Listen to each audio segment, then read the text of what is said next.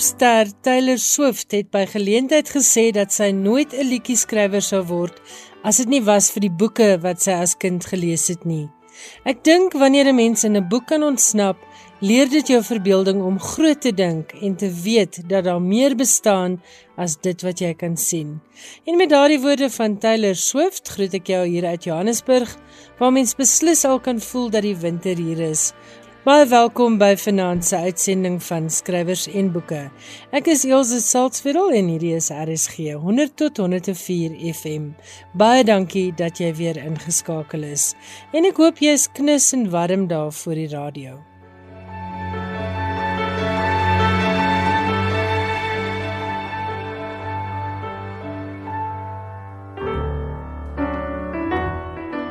In finansie program kan jy meer uitvind oor die skrywer C.J. Langenhoven se geheime liefde Sarah Goldblatt wanneer ek met die skrywer Dominique Malherbe gesels oor haar biografie Kom Memoirs en dit is getiteld Op soek na Saartjie. Ek gesels ook met Wilmie Wheeler oor haar radiodrama Die Huisbesoek wat met 'n Writers Guild of South Africa toekenning vereer is. En dan is Johan Meiburg weer in die ateljee met sy bydrae oor die internasionale letterkunde en vanaand gesels hy onder andere oor die Dylan Thomas Prys en die wenners van die Britse Book Awards. Dit dan alles in finansies skrywers en boeke. Ontspan, lekker luister en ek hoop jy geniet die program.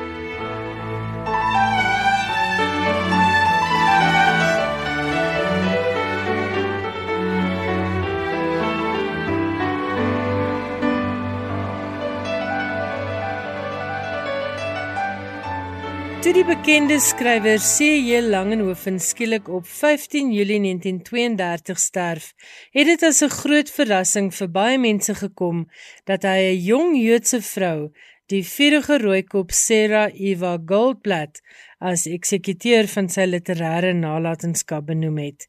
Die skrywer Dominique Malherbe was van kleins af gefassineer deur al die fluisteringe oor hierdie groot tante van haar en ook oor haar verhouding met Langenhoven. Dominique het toe besluit om haar eie antwoorde te gaan soek oor Saartjie se lewe en ook oor haar werk en haar bydrae tot Afrikaans, maar natuurlik ook oor die raaisel rondom 'n seun wat Goldblatt en Langenhoven na bewering saam sou gehad het. Maar hier is Dominique Malherbe, kom ons hoor wat sê sy alles oor Sarah Goldblatt. Dominique, baie welkom en baie dankie dat jy met skrywers en boeke gesels.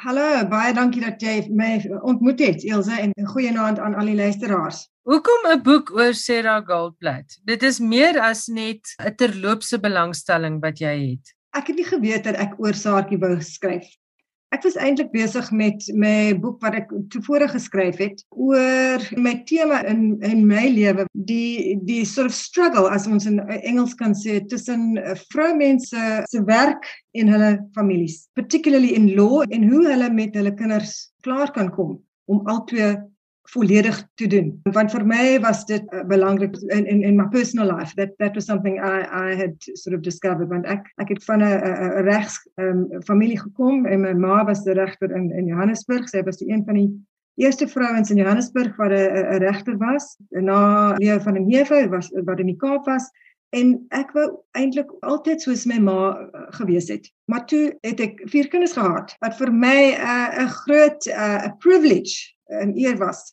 Maar ek het nie geweet nie hoe ek hierdie twee kan combine. Ek was nou besig met die tweede boek wat nou Somewhere in Between genoem het wat in in 2018 uitgekom het.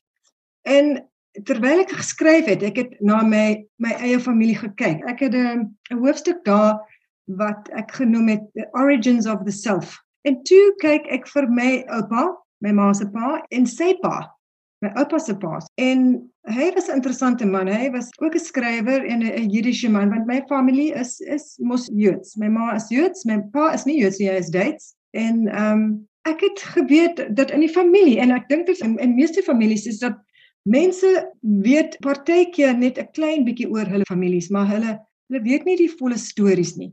So toe ek het ek fluisterings gehoor oor my oupa wat wat noem ons grootoupa ja my great grandfather David so ek het van hom gehoor natuurlik ek nou maar wat het van sy ander dogter ge, uh, gebeur so my oupa wat se naam Israel was sy suster Saartjie. So Saartjie is my groot tante. En toe sit ek en ek besluit nou maar wat was eintlik die storie met Saartjie? Toe sit ek op Google en ek sien nou maar hier kom Wikipedia aan en skryf oor Saartjie. So dit was eintlik die begin van my soektog want ek het geweet daar was fluisterings oor Saartjie in Langnoorden my my hele lewe. Maar niemand het van 'n storie geweet nie en niemand het eintlik daaroor gevra nie. My ma se ouer suster Naomi sy het eintlik die die hele storie of ek dink sy het die hele storie geweet want sy was baie goeie vriend vriendinne met die Brummer familie toe sy jonk was uh, Gilaan Brummer en sy sou seker die storie geweet het maar sy het gesterf ek dink was dit nou Mei 2016 of 2017 ons het nie vrae gevra nie toe sy toe sy nog lewe. Maar ek het nou besluit dat daar moes iewers iets wees. Die fluisteringe waarna jy verwys het dit gesê dat Langenhoven en Sarah Goldblatt dat hulle 'n verhouding gehad het en dat hulle 'n kind gehad het of of was die fluisteringe maar vaag? Ja, die fluisteringe was was vaag, maar van in ons familie het ons almal geweet dat Langenhoven en Saartjie is baie gebind. Dit het ek geweet. Ek het geweet dat Saartjie het vir Langenhoven gelewe. En in ons familie was daar fluisterings dat daar was 'n kind. Maar ons het nie baie van hulle gepraat nie as ek eerlik wees want ons het nie baie van haar geweet nie. Nou my ma word nou um, 83 hierdie jaar. Sy is dieselfde ouderdom as as as die Brummer familie. Sy het in Kaapstad gaan studeer by UCT studeer toe haar daar gewoon het. En baie met haar uh, sy het daar gaan kuier op op 'n Vrydag. As jy dink daaroor, sy gaan nie weet nie wat in Saartjie se jonger um, lewe gebeur het nie sy sou nie sê nie nou nou vertel vir my van jou lewe. Dit is nie hoe mense it's not the thing that people do, you know, especially not exactly. back then and uh, especially not about a secret and a forbidden of relationship. Course. Of course. You know, it's very hard. I mean, you ask the questions at the time that you want to ask and it never it never felt right and it obviously was never relevant at the time. But when I when I discovered that actually there's a daar's 'n hele storie daar van Saartjie in die in die biblioteek. Dan het ek agterkom nee, daar is 'n daar is 'n groot storie hierso en ons het geweet dat sy nie die die erkenning gekry het vir al die werk wat sy vir langer hom gedoen het. Dit dit was vir my een van die dinge wat wat ek gevoel het. En die ander was ja, wat wat was haar verbintenis met met Tannie uh, Naomi? Sy het lank en baie van hom geweet. Sy sê ek het in die boek geskryf. Sy sê in 'n brief ek het hom baie keer gesien. Langenhoven was eintlik die godfather of my uncle. Die families was baie baie verbind. Okay. Ons moet altyd onthou hierdie storie gebeur het regtig baie jare gelede. En die tye was so verskillend. Ons kan nie ons perspektief oor verhoudinge we can't relate what our feelings are about things now to mm. what happened then. En dit is vir my 'n baie groot aspek van hierdie boek is dat ons moet onsself herinner of onthou of whatever dat dit was verskillende tye. Okay. What I found interesting was that you also specifically went to look at Kannemeyer, uh, die groot Afrikaanse literator en geskiedskrywer oor Afrikaanse skrywers. Uh jy het gaan hmm. kyk na Kannemeyer se uh, siening van Sarah Goldblatt wat nie baie vleiend was. Hmm. You also refer to the Kannemeyer perspective in your story which I found quite amusing in a sense. And it was important to you to show that Sarah Goldblatt was a person in her own right and one that played a huge role in telling the world about Langenhofen and his writing. So, mm. how did hmm. you go about with your writing and your research? Well, um, I, am going to speak English, so thank you. And I apologize to the listeners. It's just easier, more comfortable for me. I had no choice but to begin with Kannemeyer. I knew that I had to start with Kannemeyer because, of course, he had written this incredibly comprehensive biography on Langenhoven. That was my starting point, and the, uh, so I knew about that. And in fact, I was told by the Brummer family that I, that is where I will find all the answers. So I thought, well, let me start going through that. And it's so obvious that if you start on the first page of the biography, Sarah is mentioned in the very fourth line and in fact dominates the first four chapters of the biography. So everyone thought that they knew some part of Sarah because of the biography. So it was the first thing that I had to deal with and I had to understand what the perspective of Sarah was from the biography. So I started off with the biography and then around the same time I was made aware of the fact that there was a master's thesis written about her uh, by one of the Stellenbosch students which is referenced in the book. And I read through the thesis. For me it was so interesting why would somebody choose to write a master's thesis over Sarah? So I then contacted her supervisor, Professor Albert Groenling. But I was interested to know what it was about her that was so important somebody felt, you know, they wanted to write a master's thesis. So it was those two major pieces of work that I felt I had to get to grips with in order to start my search for Sarah. And from there, I then went to the library and I then discovered that there's an entire catalogue of Sarah in the Stellenbosch Library. And I just started slowly going through it. But of course, it was an interesting journey because naturally one wants to look for the Skinner. One wants to understand what was the relationship between the two of them? How did she dedicate herself so fully to this person? Why was it that she did that? And of course, the reason it was because of the personal relationship. I mean, you know, there's a limit to how much one would work for somebody for the rest of their lives and to dedicate themselves so fully to somebody. Every, you know, there's limits to, to, to one's work and dedication just from a, work perspective. So it had to be the personal side. And that's obviously where I, I had to start. So initially, I sought information of the little snippets of information that I could gather about the rumors of a child and the rumors of the relationship. So I started going through the letters that Langenhoven wrote to Sarah over a period of 20 years from 1912, when she first met him in Oudtshoorn, to 1932 in July, when he died. In fact, the very last letter that he wrote, he posted to Sarah the night before he died. Without giving mm. away too much of the story, what were some of the most interesting things you discovered about Langenhoven and about uh, Sarah Goldblatt? Well, I think the point is also, you know, I was very aware of the fact that I'm not familiar with Langenhoven. Of course, I knew he wrote his stem and I used to sing it. I loved it always as a child. And I, I, knew that he was a poet. And obviously, the more I read, the more I realized what an absolute icon he was for the, for the Afrikaans community. But it wasn't somebody who I was familiar with. So I was surprised by various things. You know, some of the letters that he wrote in, when he was a parliamentarian. I mean, he wrote absolutely beautiful English letters, actually. Those are the things that I kind of came across. You know, there was so much to put into this book um, that I had to leave out because I had to keep focusing on what it was that I wanted to find. But I'm trying to stick to your question, Ilse. And for me, the interesting things that I found, or the surprising things, was firstly the, the, the extent of, of the work that he did, number one you know, he was just an absolute, yeah, I mean, a hero to the to, to the Afrikaner literary community. And obviously, then uh, the extent of the work that Sarah undertook, not only for him, but in her own right, you know, the, the, the, amount of work. So she was a person in her own right. She was a teacher. She taught herself Afrikaans, obviously through her relationship with Langenhoven. But that was her passion. Her passion was teaching. And she took that to extremes in the same way that she took her passion for the Langenhoven industry to extremes. You know, she was fully dedicated to the task of teaching as well as looking after his literary legacy, which uh, she took to extraordinary um, lengths. I was pleasantly surprised by the amount of um, contacts that she had made during her life, obviously through her connection with him, you know, the parliamentary figures and then, of course, the literary figures and whatever. So there was an enormous amount to write there. But, if, you know, to write a biography, uh, first of all, I've never written a biography, and I know that biographies can sometimes be dry and boring and tedious. You know, she, she was born there and lived there and died there. And for me, the story was more about trying to find Sarah because there were very few people that were alive that could tell me anything about her, that actually knew her as a friend. Yeah, there's information that comes up all the time. Somebody contacted me this morning that came to, I had a, a live launch. She phoned me this first thing this morning. She said she was talking to her family members about the interesting launch she went to, and she said her family uh, lived next door to Sarah. They, they used to come and pop into her garden and spend time with her all the time.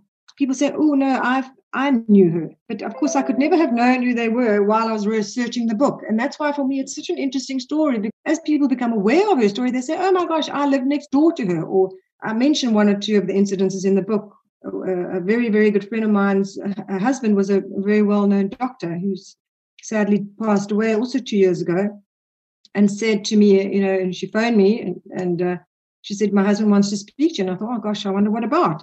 And he said to me, I just want to tell you that Sarah taught me to speak Afrikaans. So there have been a lot of people that I've met that had that in whose lives she had an influence. And that's heartwarming. That's heartwarming because she was quite a complicated figure based upon the experiences that had happened to her during her life, which is understandable. Yeah, Audrey Bluchnote was one of her friends, one of her good friends. And, and I got a lot of information out of the diaries that she wrote about Sarah. And and at the end, at the time when she died, it was either Audrey or the one of the ministers that gave the service that had said she should have actually received an honorary degree for the amount of work that she had done. But one of them had said, but it was enough that she was remembered as Juffrou Saartjie.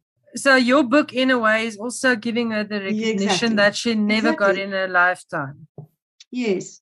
Tell us about your search to find out if there really was a child. Well, that was a tricky part of it, Ilse. And, you know, obviously, initially I was interested in the child, but it was difficult because I had no dates. I had no real dates. And of course, at that time, I must remember this was the, the date that I had in mind that the child would have been born was 1925. So it was, in all likelihood, that that person was no longer alive and i did have some leads and i followed up on, on some leads about the child and i won't divulge what the conclusion was but it was tricky because one must also remember that at that stage adoptions were closed uh, abortions were not discussed illegitimate children were not discussed you know now people have moved on laws have caught up with the way in which people live their lives societies are very different so some of the things I went to the National Archives and I scoured the documents, the hospital records.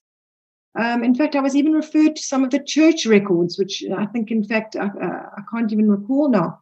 But at that stage, it was very difficult because, in fact, even the assistant at the archive said to me, you know, they could have. You must remember that they, you didn't have to disclose the father having a child that you was giving up for adoption. You were not obliged to name the, the father of the child, and you could have given them a different name. So I had no confirmation of any details. I had no confirmation really of a date of birth, of a valid name, even quite frankly. So I, I really spent uh, many hours thinking of possibilities and looking at dates and things to try and understand if this happened. But, uh, but it was so clear to me, you know, why would there be a rumor about a child if there was no child?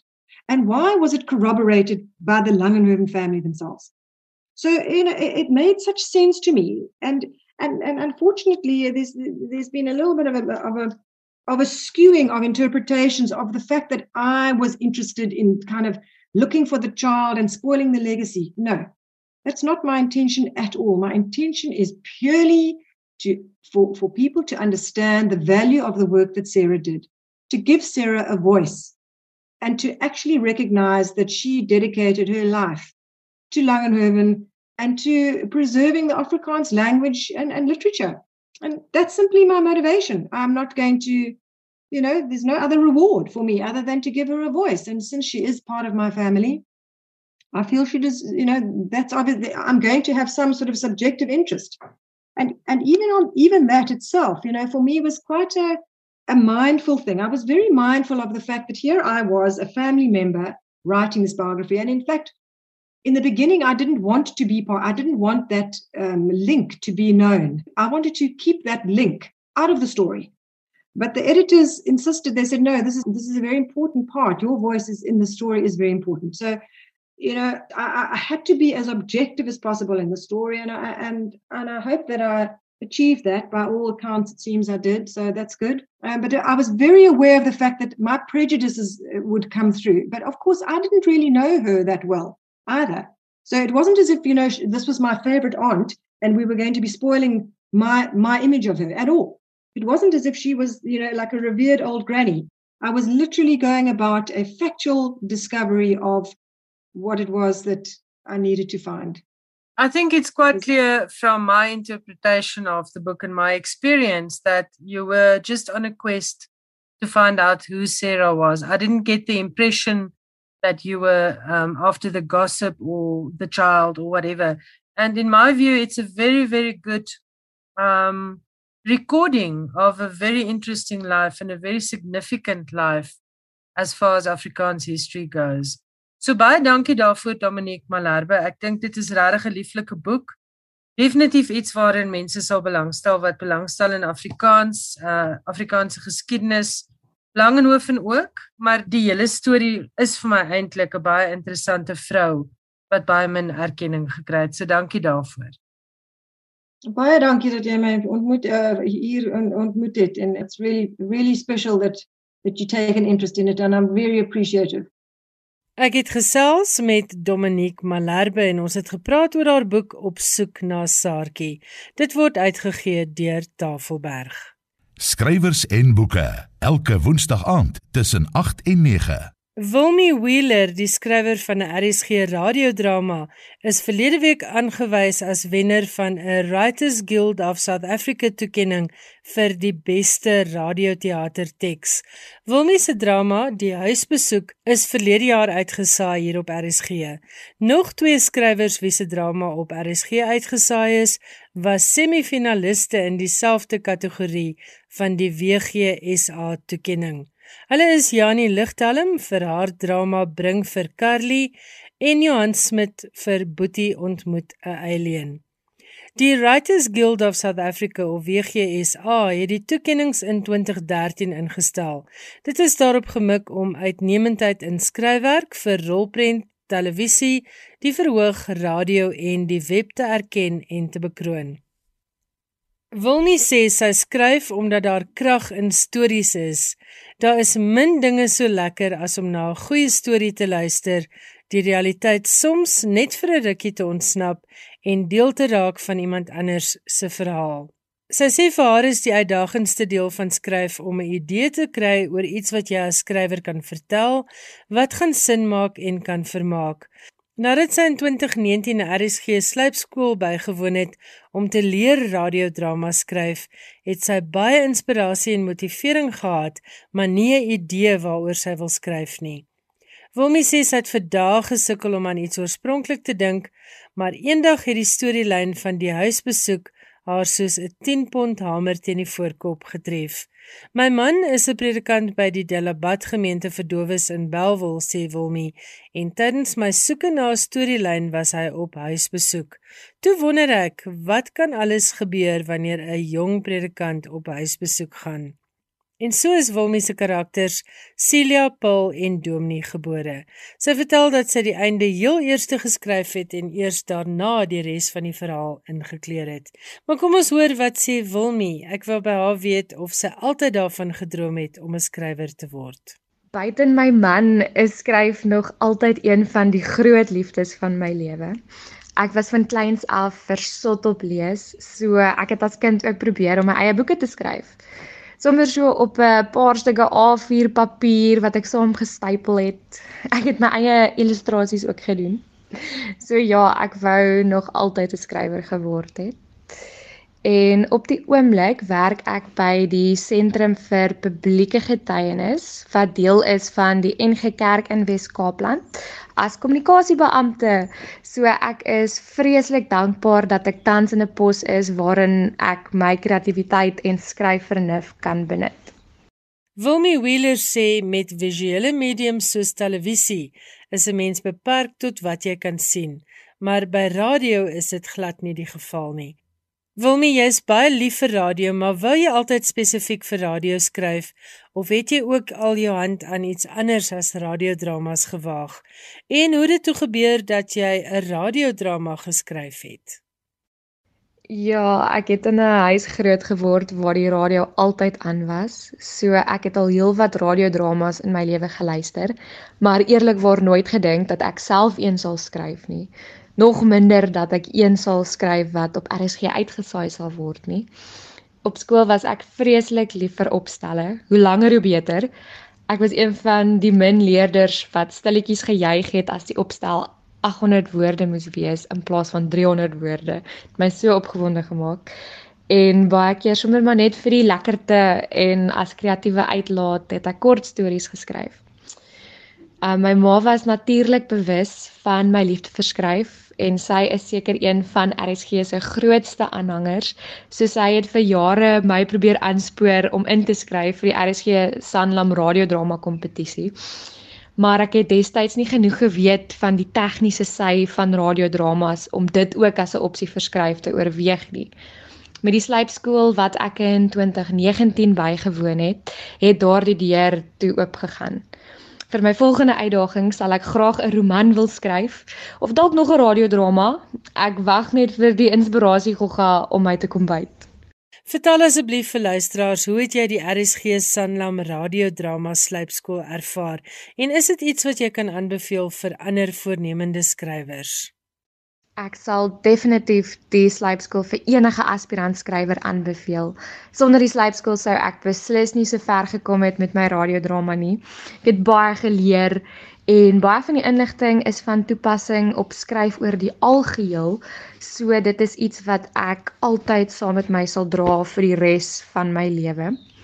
Maar ek moet sê, ek ek dink die kosbaarste deel van die slypskool was dat ek selfversekerd aan die einde van die opleiding by die deur uitgestap het. Dit was vir my nogals uitdagend om selfvertroue as skrywer te kry. Ek is seker maar soos baie ander skrywers ook ekstra krities op my eie werk. So ek het gewoonlik gedink dit wat ek geskryf het is gemors en dat ek eerder nie moet probeer om iets daarvan te maak nie. So Kobus hulle het my geïnspireer om 'n kans op myself te waag en wel te probeer en ek is regtig nie vir 'n oomblik spyt daaroor nie. So as jy daaraan dink om te skryf of dit nou radiodramas is wat jy dalk wil probeer, asseblief gaan na die slypskool toe soos ja, hulle kweek goeie skrywers en ja, jy sal ook nie vir 'n vir 'n oomblik spyt wees nie. En dit was Wilmy Wheeler, wenner van die WGSA Muse Awards vir haar radiodrama Die Huisbesoek. Janie Ligthelm, 'n WGSA semifinalis, sê sy skryf gewoonlik oor iets wat werklik gebeur het, maar sy verander so baie besonderhede rakende haar karakters, tye, plekke en omstandighede dat mens kan sê dit is fiksie wat geïnspireer is deur 'n ware gebeurtenis. Die hartseer wat as gevolg van hierdie gebeure vir baie jare voortgeduur het, het my laat besluit om Bring vir Carly te skryf sodat ouers hopelik tot die besef kan kom dat ons nie altyd die beste weet wat ons kinders nodig het of wat hulle gelukkig sal maak nie. Dit is dalk belangriker dat ons hulle met hulle soms dom besluite en al liefhet en aanvaar. Aldus Janie Ligtelm. Janie vertel dat sy baie lief is vir radio en dat sy 'n baie visuele verbeelding het, maar dat sy tong in die kies kan sê dat die beelde op radio vir haar duideliker is as die op TV. En ek probeer so skryf dat ander mense dit dalk ook so kan ervaar, sê sy. Janie sê sy skryf omdat sy nog altyd lief was vir taal en veral ook vir Afrikaans. En dis ook 'n lekker afwisseling van die baie skryfwerk wat sy deur haar loopbaan as sielkundige moes doen. Johan Smit was die skrywer van Boetie ontmoet 'n alien. Hy sê hy is baie geïnteresseerd in planete en die heelal en ook baie lief vir reis en daarom droom hy dikwels oor interplanetêre reise. Johan sê die idee vir sy drama het by hom opgekom toe hy gewonder het hoe ons as 'n spesies vir 'n besoeker van die buitenste ruimte sou voorkom en dit was dan die begin van Boetie ontmoet 'n alien. Volgens Johan is radiodramas op 'n manier onbeperk want daar's nie 'n begroting nodig om 'n gebou te laat ontplof, 'n ongeluk met diermotors te laat plaasvind of 'n ruimtetuig te laat land nie.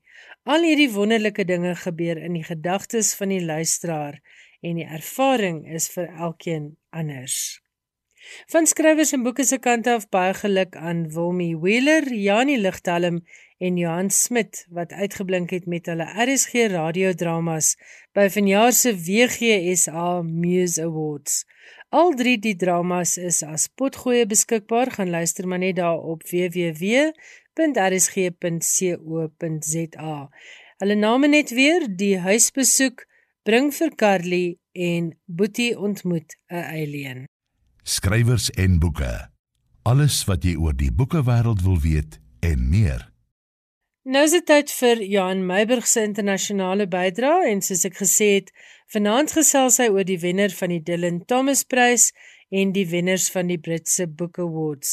Hy het ook gaan kyk hoe die Britte se leespatrone verander het gedurende 2020. Hier is Johan Meiburg. Die Dylan Thomas Prys is vanjaar verower deur die Amerikaanse skrywer Raven Leilani met haar vreeslose debuutroman Luster. Die prys word jaarliks toegekend aan 'n skrywer jonger as 39.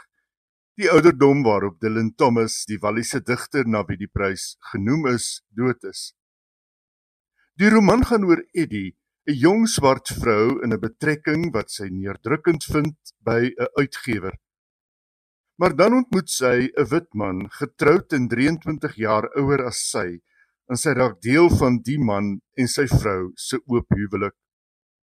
Dit was Leilani se boeiende verteltrand wat haar uitgeknikker het, het Namita Gokle, saamroeper van die beoordelaarspaneel, gesê. Dit was 'n moeilike besluit want ons het gesit met 'n besonder sterk kortlys, het Gokle gesê. Nietemin het ons na talle gesprekke en beraadslaging eenparig besluit Laster is die wenner. Sy die roman, 'n boek wat Barack Obama terloops ook as sy gunsteling uit verlede jaar se roman oes bestempel het, beskryf as 'n vreeslose roman wat die pyn, onsekerheid en verwondbaarheid van 'n jong swart vrou in die FSA verbeel. Eddie Die verteller registreer al wat 'n rassevooroordeel is sonder weerga. Dis 'n belangrike, ongemaklike boek, soms bitter, soms kwaad, maar 'n boek wat die leser enduit vasgenaal hou. Die Dylan Thomas Prys met prysgeld van net minder as 400 000 rand word geadministreer deur die Swansea Universiteit. Vorige wenners sluit in Brian Washington, Guy Gunaratne en Max Porter.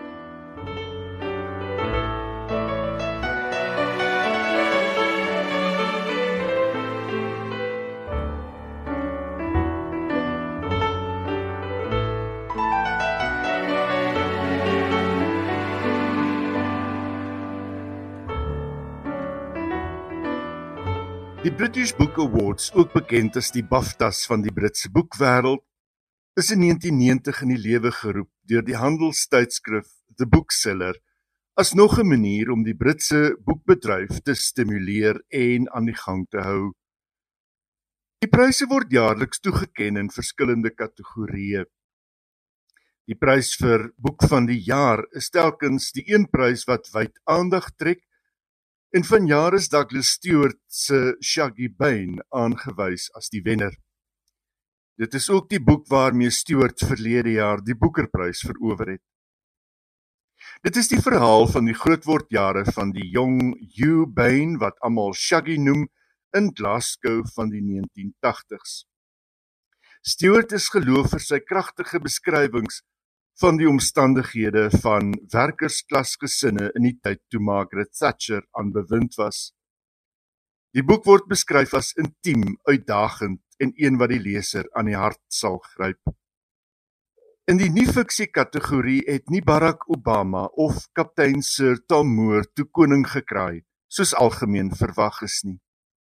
Die 17-jarige Dara McAnulty het die prys opgeraap met sy Diary of a Young Naturalist, 'n boek waarmee hy die wêreld van outisme en sy liefde vir die natuur en daarmee sy kennis van die Britse natuurlewe met lesers deel. In die kategorie boek van die jaar fiksie het Maggie O'Farrell met die laure weggestap vir haar Hamlet, die fiktiewe verkenning van die kortlewe van William Shakespeare se seun. Die roman verken nie net die gesinsopset van die Shakespeare gesin nie, maar gaan ten diepste oor liefde, verlies en hoe mens daarvan sin maak. In die afdeling vir misdaadfiksie en thrillers is dit Robert Galbraith wat die kroon dra vir Troubled Blood, die vyfde boek in die Cormoran Strike misdaadreeks. Robert Galbraith, dit weet lesers al, is die skrywersnaam wat J.K. Rowling gebruik vir die genre. Richard Osman, Engelse TV-vervaardiger, komediant, skrywer en mede-aanbieder van 'n vasvra-program op BBC, is by die geleentheid aangewys as skrywer van die jaar. Die onderskeiding berus op die weghol sukses van sy debuutroman The Thursday Murder Club. Die roman gaan oor 'n groep inwoners van 'n aftreeoord wat onopgeloste moordsake as stokperdjie probeer ontrafel totdat hulle skielik met 'n moordsaak van hulle eie sit.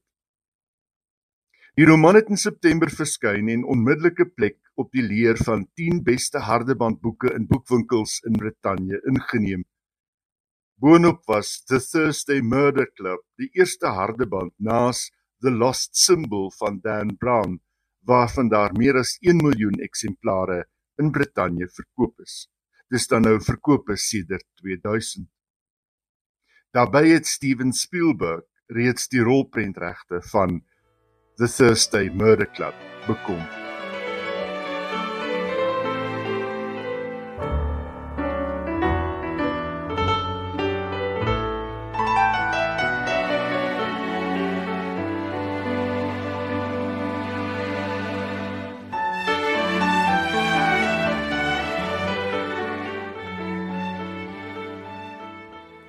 Verkope van fiksie het verlede jaar in Brittanje met 16% toegeneem, so berig die Britse uitgewersbedryf.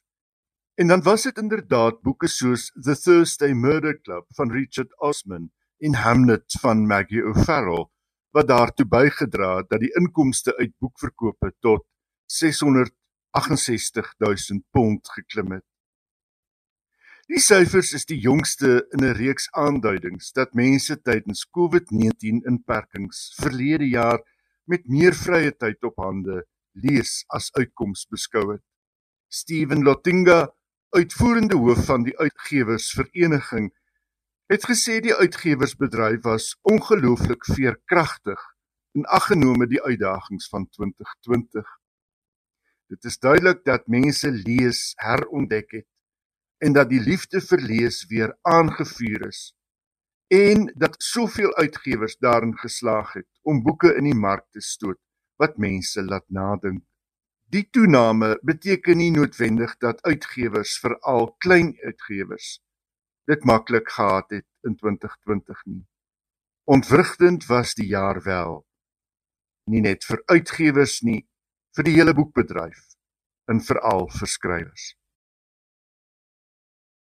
Baie dankie kollega Johan Meiburg vir jou altyd interessante bydrae tot skrywers en boeke.